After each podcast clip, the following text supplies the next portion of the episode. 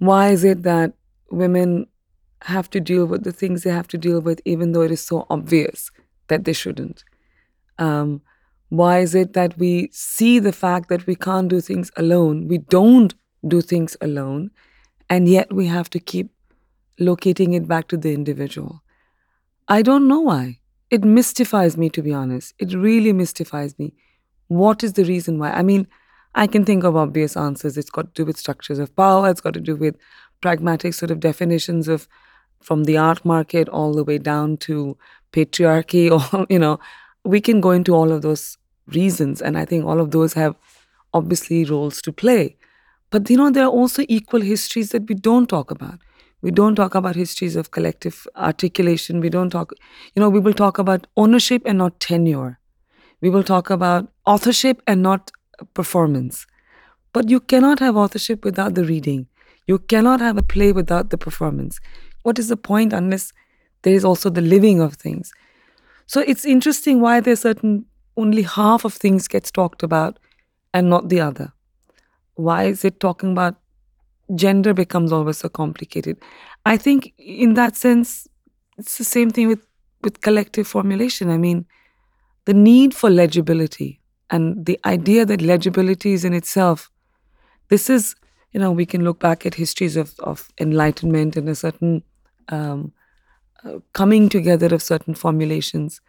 Um, but these are deep histories which connect of course to systems as well. But i think these are also willed you know this is willed collective it's as much collective willing for this disbelief. Uh, do you know what i mean? Like this is that greek idea no? A, a willing suspension of disbelief.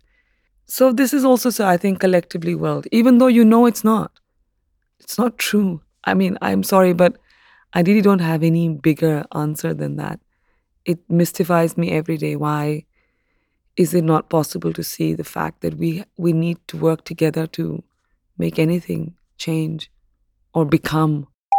If you look at a piece that we did for the time bank where you where they were inviting people to make currencies julieta and, and anton for eflux.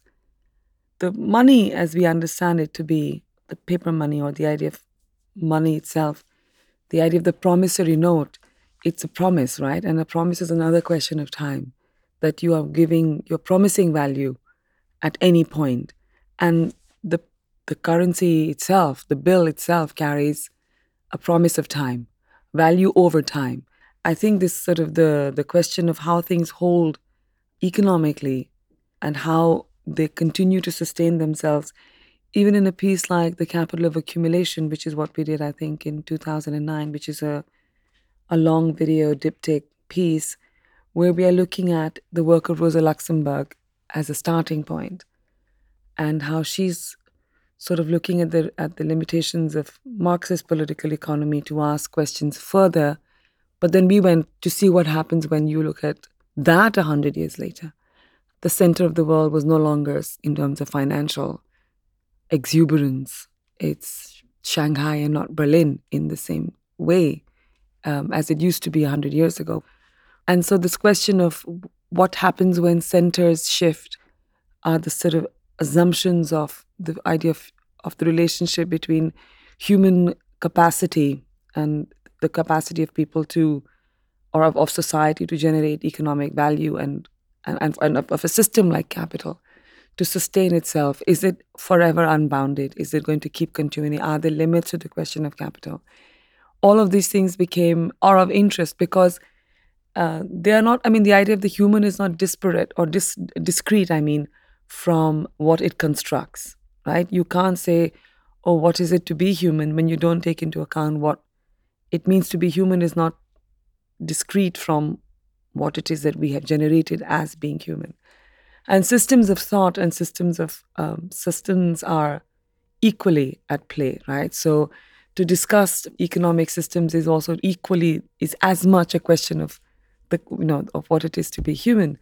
These things for us are not uh, separate. They're deeply imbricated. When one is looking systemically it becomes interesting but i think always crucially in the same way that one is able to look at the sort of all constructs i'm not sitting over there and saying black is black and white is white right? I mean if you think of a system like capital we all know that women, for example, have found much more of a place in society because of the crises generated by capital, of the fact that we don't have to be in the same structures of, of power that we have been in for the longest time. So I think it's interesting to be able to see things in a complex way and to see different kind of propulsions that happen within.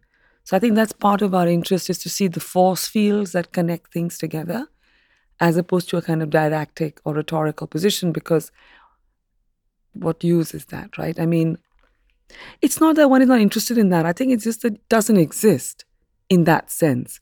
If I was to look at the complexities of capital, I have to see what it has done to the body and what the body has done to that. But the body is not a singular body. The body is the female body. It is the body of in caste. It is the body in class. It is the body in in different histories at the same time. So I think all of those things remain at the heart of many of the things that we're looking at. 10 Notes on Practice was written a number of years ago and it was thinking on the i mean and it probably was because it was thinking on the question of seepage. Now seepage it became i think it must have begun quite literally because you live in a city like delhi or in any other city and you see your you see your walls slowly melting away because some old pipe has decided it doesn't like to. And that sense of seepage and you can see what it's doing to the structure. And so we began to think on, not so, but also I think that helped to think on the question of, of, of seepage. And I think this is what, of how structures become challenged by that which is within. So it's not always this idea of this large wrecking ball that will come from the outside. Often this vanguardist moment of like from the outside to break things down. When things are, you have to also see them structurally for what they are.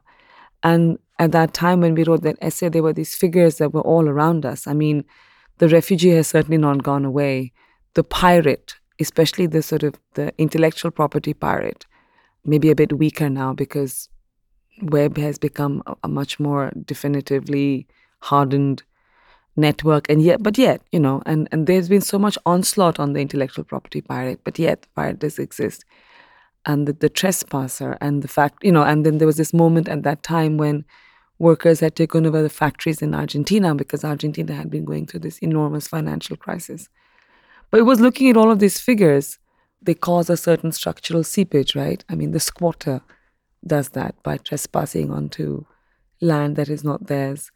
The refugee does that. The intellectual property pirate does that. All of these figures basically, by just turning up by the fact of their presence and of course the factory the worker who takes over the factory they the fact that they exist and they exist in that form they are uh, questions to the construct. And this idea that you know that see life doesn't get subsumed under the structures that are given on it. That's i think the fact that we all take hope from at the end of it. Not from the fact that things run but sometimes from the fact that things don't run is the only thing that keeps you going, right? Is that things, you know, things will fall apart, or you hope that things will fall apart, or because this person is ready and capable of doing something which I am not, which might even seem to be against the rules, or which sometimes is very much against the rules. But it's not enough to be romantically charmed by them. It is important, I suppose, but not enough because these people are not, or these figures, not people, these protagonists, and this is an idea we've used otherwise as well. The importance of the idea of the protagonist. They are always protagonists. The question is, what narrative are you a protagonist of? The relationship between biometrics, technology, and the and the body. We have written about it and the idea of fungibility. You know, we in every other way we like to say that you are unique and you are wonderful and you are you and I am me. And this sort of hyper sort of obsession with the individual is all about my specialness. And yet, when you are sort of arguing for certain technologies of, of, of, of scanning and control, you are saying that there's fungibility.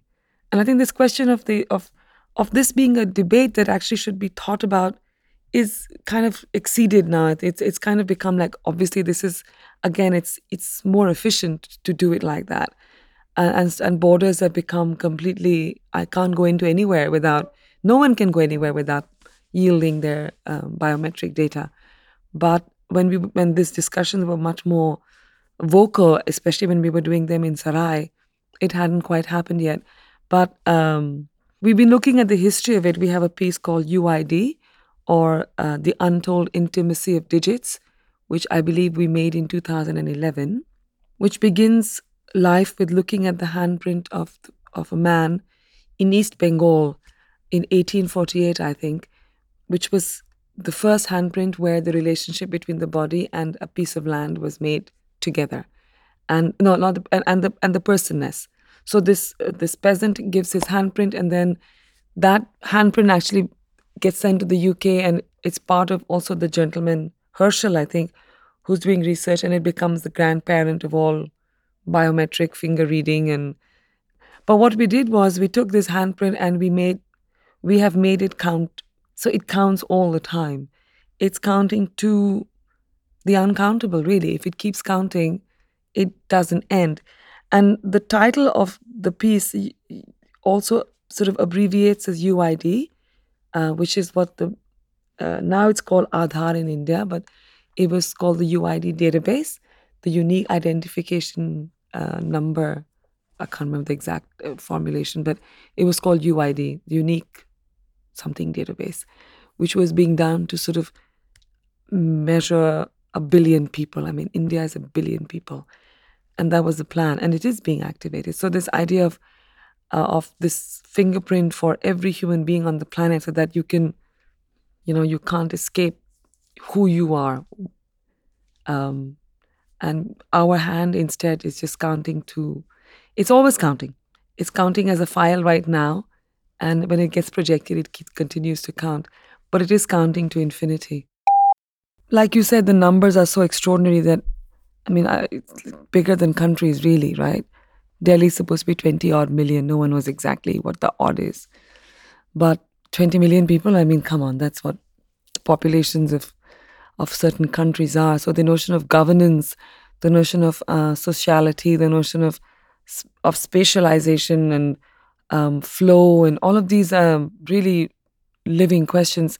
But I think that they also create a certain anxiety in the Western ethos. I think the anxiety is partly because the idea of the teeming millions of numbers that are, you know, of the number of people is the biggest anxiety. I think it's not, and these cities are mostly in the in the east, right? Whether it's Shanghai or Tokyo or Mexico or New Delhi or I mean, London still sees itself as a village compared to that, which is ironic. But the point is, it it it doesn't. I mean, it's obviously far ahead, but not in these kind of.